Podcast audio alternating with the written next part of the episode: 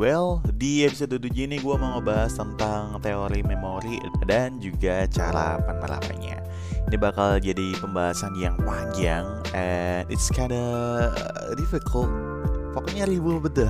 Ini aja aku udah dibahas baca materi-materinya kayak hmm, oke. Okay.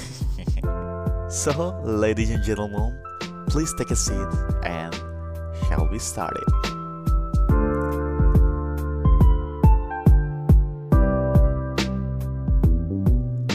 Oke, langsung aja kita ke yang pertama teori tentang memori nih. Sebelum kita jauh ke teori memorinya, gue mau ngebahas dulu tentang teori pemrosesan informasi dalam otak gitu ya. Jadi pemrosesan dibagi menjadi tiga tahap, yaitu encoding, storage, dan juga retrieval.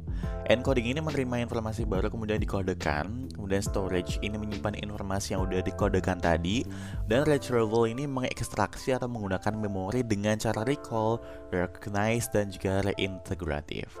Oke, okay? nah di memori ini hanya pengalaman-pengalaman unik atau informasi-informasi unik yang bakal disimpan cuy. Nah ini tuh emang uh, cara gimana menyimpannya menggunakan rekaman dalam tanda kutip ya karena ya di analoginya sebagai rekaman sebagai rekaman yang udah dikodekan gitu aja cuy Nah, memori dalam psikologi ini dibagi menjadi tiga, ada memori sensori, memori jangka pendek, dan juga memori jangka panjang. Nah, memori ini diproduksi oleh sistem syaraf pusat sebagai pusat dari biologis. Dan cara kerjanya adalah informasi diterima oleh panca indera kemudian dikirimkan ke otak. Nah, otak ini menerima informasi, kemudian uh, informasi tersebut disimpan ke memori jangka pendek selama satu menit. Kemudian kalau misalnya emang berarti maka dilanjutkan ke long term memory. Kalau misalnya enggak ya ya udah dibuang gitu aja. Nah kita lanjut ke pembahasan yang kedua yaitu model memori ganda menurut Atkinson dan juga Schifrin Yang tadi udah gue sebutin, udah gue spill dikit di atas yaitu memori-memori dalam psikologi. Yang pertama, memori sensori. Ini kapasitasnya gede tapi waktu penyimpanannya singkat banget. Nah ini bakal diganti, segera diganti dengan informasi-informasi baru Nah, informasi yang udah jadi icon atau udah dikodekan itu bakal disimpan disimpan sebentar di sini, terus kemudian diolah nanti apakah nanti masuk ke short term memory atau langsung dibuang gitu aja cuy. Nah, kalau memori jangka pendek atau short term memory sendiri ini emang tempat aritmatika mental dilakukan. Kalau misalnya informasi bertahan cukup lama di sini, maka informasi ini akan dipindah ke long term memory atau memori jangka panjang. Nah, informasi yang diterima dengan encoding ini diteruskan ke otak sebagai control process. Nah, control process ini adalah um, proses mengatur laju masukan informasi dan pengambilan informasi itu. Di short term memory ini kapasitasnya kecil, mudah hilang, tapi mudah juga dipanggil kembali. Ya kayak misalkan ada dalam satu wadah kecil gitu kan, kita naruhnya juga gampang, kita ingetnya juga gampang, kita ambilnya gampang, lupa juga gampang, gitu aja. Dan yang ketiga ada memori jangka panjang atau long term memory. Kapasitas dura kapasitas dan durasi lebih gede, lebih besar, jangka simpan juga panjang, dan informasi yang disimpan digunakan untuk hal-hal sederhana kayak misal perkuliahan atau kayak kita ngenalin teman kita sendiri gitu. Nah, long term memory ini dibagi menjadi dua yaitu memori semantik dan juga memori episodik. Bedanya dari kedua memori ini adalah kalau memori semantik itu nggak punya elemen kontekstual seperti waktu dan tempat. Kalau misalnya memori episodik ini uh, berkaitan dengan informasi spesifik, berkaitan dengan informasi spesifik dari waktu kejadian, tempat kejadian, bahkan sampai uh, feel-nya itu apa di situ gitu ya. Dan keduanya merupakan Keduanya merupakan aspek memori deklaratif atau eksplisit, di mana eksekusi tugasnya membutuhkan memori sadar dari pengalaman sebelumnya. Kalau misal gue di, di kalau misal gue di awal tadi udah ngebahas tentang tiga tahap dalam pemrosesan informasi. Nah sekarang gue mau ngebahas lebih lanjut lagi nih tentang uh, proses-proses dalam mengingat gitu ya. Yang pertama encoding atau pengodaan. Jadi informasi diubah dari stimulus sensoris menjadi bentuk unik sesuai dengan representasi mental. Kemudian storage atau penyimpanan, ini informasi yang telah dikodekan disimpan entah itu mulai dari memori sensoris, short term memory atau long term memory. Nah, kalau kalian denger di backsound ada sedikit ada mangkok ya bunyi gitu ya. Itu ada burju yang lewat cuy. biasalah ya, pagi biasalah. Tapi pengen burju juga sih. Tapi ayo udahlah bentar kelarin recording dulu, oke? Okay? Kita lanjut ke retrieval atau recall atau pemanggilan kembali informasi itu. Jadi di retrieval ini kita memanggil atau mencari informasi yang telah dialami. Nah, proses terbentuknya memori diawali dengan mencatat informasi cuy dan mengkodekan melalui salah satu atau kombinasi dari panca indera. Nah, bila informasi ini mendapat atensi, maka akan diteruskan ke STM. Kalau enggak, ya udah hilang. STM itu tadi apa? Bener, short term memory atau memori jangka pendek. Nah, short term memory ini hanya mampu bertahan 30 detik dan di dalam short term memory hanya ada 7 space dan space itu diisi oleh dalam tanda kutip itu bongkahan gitu ya. Kalau misalnya memang informasi ini diperlukan dan diberi atensi lebih, maka akan ditransfer ke long term memory.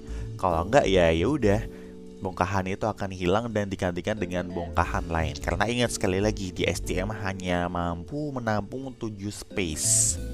Nah, ada beberapa tingkatan um, sorry Nah, kalau dari STM itu diproses ke LCM atau long term memory, ini informasi bisa dipanggil kembali, namun bisa juga terlupakan karena kesalahan dalam pengarsipan, kesalahan dalam pengkodan, kesalahan dalam pengkodan dan lain sebagainya.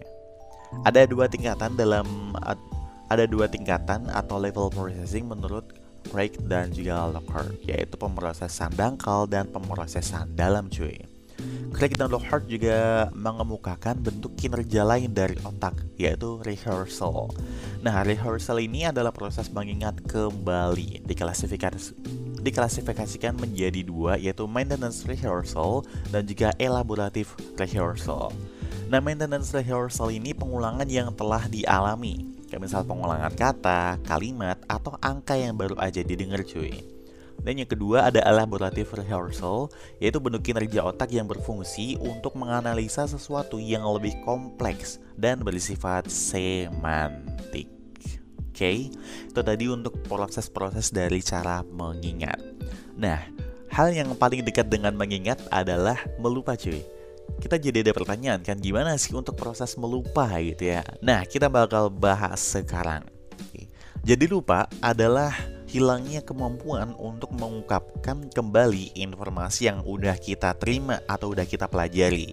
Nah, menurut Gula dan Riber, itu mengemukakan bahwa lupa sebagai ketidakmampuan mengenal atau mengingat sesuatu yang pernah dipelajari atau dialami cuy.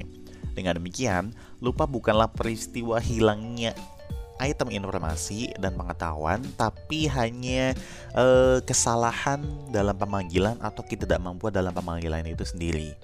Nah, sebenarnya ada beberapa teori-teori tentang kelupaan nih. Yang pertama teori-teori ketersediaan. Ini tuh beda banget sama yang udah gue sebutin tadi karena di sini berpendapat bahwa memori terlupakan karena telah hilang permanen dari otak melalui pudarnya jejak-jejak memori. Nah, ada teori yang kedua nih, teori aksesibilitas yang udah gue sebutin tadi ya. Itu bukan hilangnya informasi, tapi hanya kita nggak mampu akses saja. Kita nggak bisa mengakses informasi itu sendiri. Sebenarnya ada empat penjelasan juga yang menjelaskan mengenai tentang proses terjadinya lupa ini cuy. Yang pertama ada kerusakan jejak.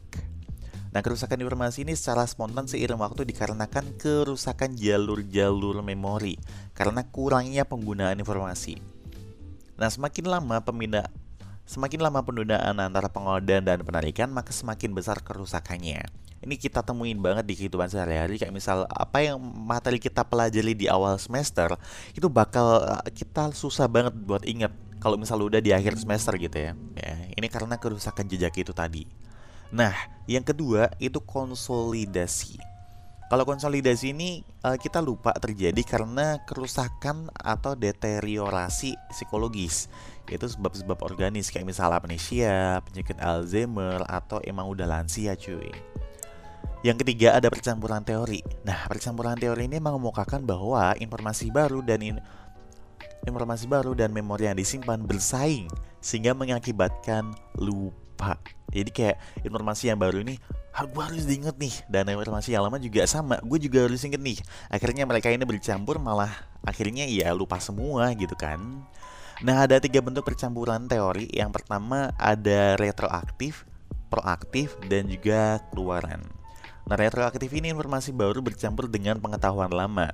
Kemudian proaktif informasi lama berdampak pada retensi informasi baru atau informasi lama ini ya bertambah tentang penginterpretasian informasi baru ini cuy. Dan yang ketiga keluaran.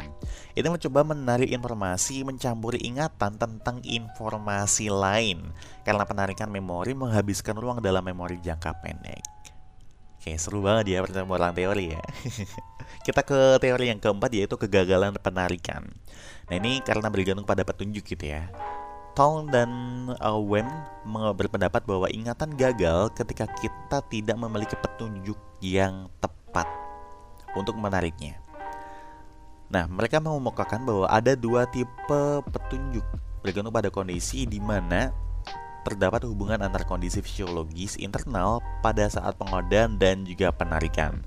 Dan ini juga bergantung pada konteks di mana ingatan diberi petunjuk oleh petunjuk eksternal kayak misal informasi visual gitu ya. Jadi kalau misal kita inget um, um, misal kita inget mantan karena kita inget baunya gitu ya.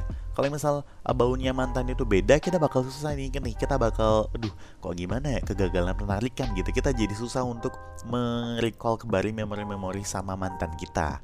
Ayo kalau misal mantan kita menggunakan parfum yang sama ya udah udah langsung tuh bakal inget semua canda canda canda canda. Oke kita lanjut ya. Ini tuh uh, menurut Lahey pada tahun 2006 menyatakan bahwa seseorang dapat lupa akan suatu informasi yang pernah diterimanya karena beberapa hal. Beda sama empat hal tadi ya. Kalau kalau menurut Lahey ini ada decay teori Ada interference teori Ada reconstruction theory Dan juga motivated forgetting. Nah yang pertama ada decay theory Informasi ini telah terlalu lama disimpan dalam memori dan tidak digunakan. Jadi kayak eh, ini terganggu atau malah bercampur sama informasi lain. Kemudian ada interference theory.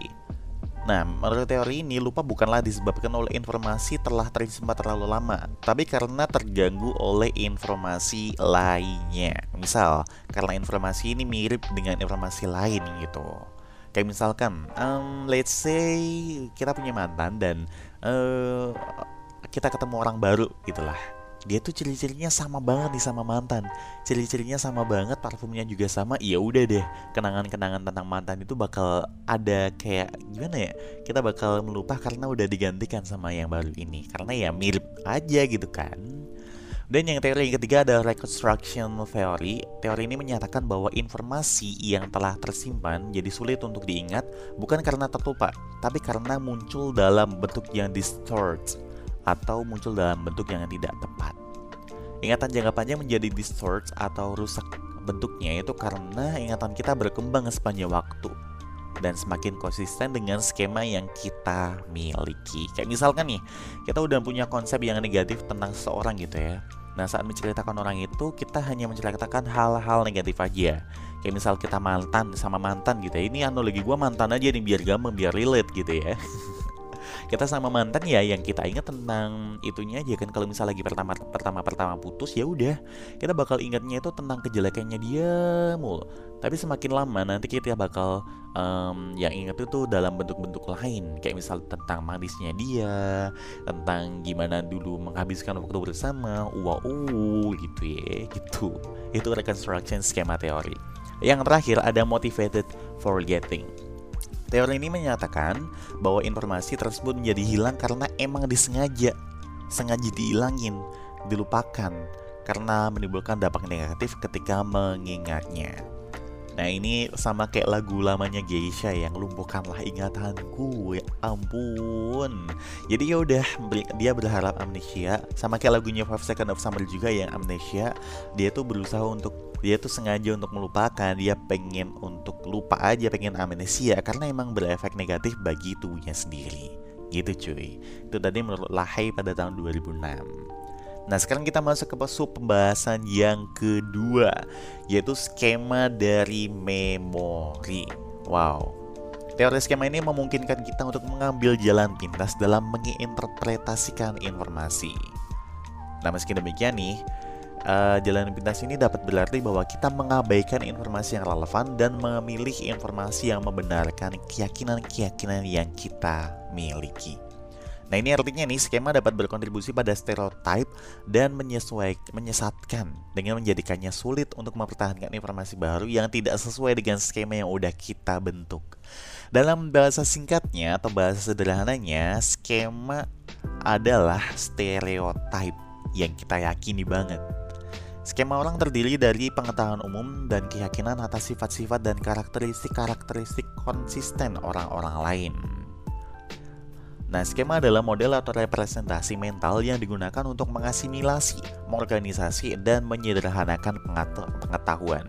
Ya benar yang gue bilang tadi, skema adalah stereotype, paradigma, keyakinan kita sendiri gitu. Oke, kita langsung ke pembahasan yang ketiga. Ini biar agak cepet gitu ya. Jadi eh, yang ketiga adalah aspek terapan memori cuy. Memori-memori ini ada beberapa macam, ada memori autobiografis, terus juga ada flashbulb memori atau memori lampu kilat gitu ya. Memori autobiografi ini adalah ingatan tentang informasi yang berkaitan dengan diri. Terdapat dua komponen nih dalam memori autobiografis gitu ya, ada episodik dan juga semantik. Kalau misal lo inget episodik apa, semantik apa, inget nggak? Kalau enggak, gue bakal ulang deh. Jadi episodik adalah serangkaian peristiwa yang telah dialami oleh pribadi pada satu tempat dan waktu. Pokoknya kuncinya kalau episodik ini tempat dan waktu gitu ya. Sedangkan memori semantik adalah peristiwa yang telah dialami oleh individu yang berkaitan dengan objek dan gak ada unsur waktu dan tempatnya tuh. Jadi kayak yaudah objek gitu aja. Dan memori autobiografis ini terbagi menjadi beberapa struktur dan bagian-bagian di mana ada empat dimensi dalam memori autobiografis ini. Ada fakta-fakta biografis dan pribadi, ini mencakup tempat dan tanggal lahir. Kemudian ada salinan atau rekonstruksi peristiwa. Dapat berupa salinan langsung peristiwa asli yang sangat nyata. Dan yang ketiga ada ingatan spesifik atau generik, memori autobiografis genetik. Ini adalah memori tentang peristiwa-peristiwa yang berulang yang tidak terpaku pada satu kasus spesifik cuy. Kayak misal ingatan tentang berjalan kaki ke sekolah gitu ya. Kayak ya udah berjalan kaki ke sekolah aja gitu kan. Dan uh, empat dimensi dan dimensi keempat dari memori autobiografis adalah pengamat atau perspektif lapangan. Nah, jadi memori autobiografis dapat dilihat dari perspektif berbeda cuy. Perspektif pengamat adalah di mana memori digambarkan dari sudut pandang orang lain. Perspektif lapangan adalah di mana memori dipandang dari sudut pandang individu yang memiliki memori tersebut. Oke, paham ya? Dan yang terakhir nih, ada flashbulb memory flashbulb memory atau memori lampu kilat gitu ya itu adalah ingatan yang terbentuk setelah kejadian yang mengejutkan. Ya kayak flash gitu kan hanya abep gitu. Langsung dalam kurun waktu yang sangat singkat banget. Nah itu uh, flashbulb memory ini ter teringat sangat-sangat jelas kayak misal memutar film dalam kepala gitu ya. Ingatan detail kejadian termasuk perasaan atau emosional yang dirasakan tentang kejadian tersebut Biasanya, kejadian memori lampu kilat atau flashbulb memory ini berkaitan banget dengan yang namanya traumatik. Brown dan Click berpendapat bahwa memori lampu kilat lebih akurat, rinci, dan tahan terhadap kelupaan ketimbang memori-memori lain. Itulah alasan kenapa orang yang trauma itu susah banget buat melupakan traumanya cuy Atau at least berdamailah sama traumanya dia sendiri Jadi kurang lebih itu untuk cara kerja memori dan teori-teorinya gitu ya. Thank you banget yang udah join dan udah dengerin di podcast yang ini agak panjang banget karena yang bahasanya ya ampun riweh juga kan. Gimana popcornnya udah habis, snacknya udah habis atau kopinya masih? Nah yaudah kalau nggak habis nggak apa-apa, kita bakal habisin lagi di episode selanjutnya cuy. Karena di episode selanjutnya bakal lebih berat lagi, bakal lebih riweh lagi. So siapin aja snacknya, siapin kopinya. Oke? Okay? Di episode ke-7 gue pamit undur diri and till next time stay safe, stay healthy. Gue pamit. Bye now.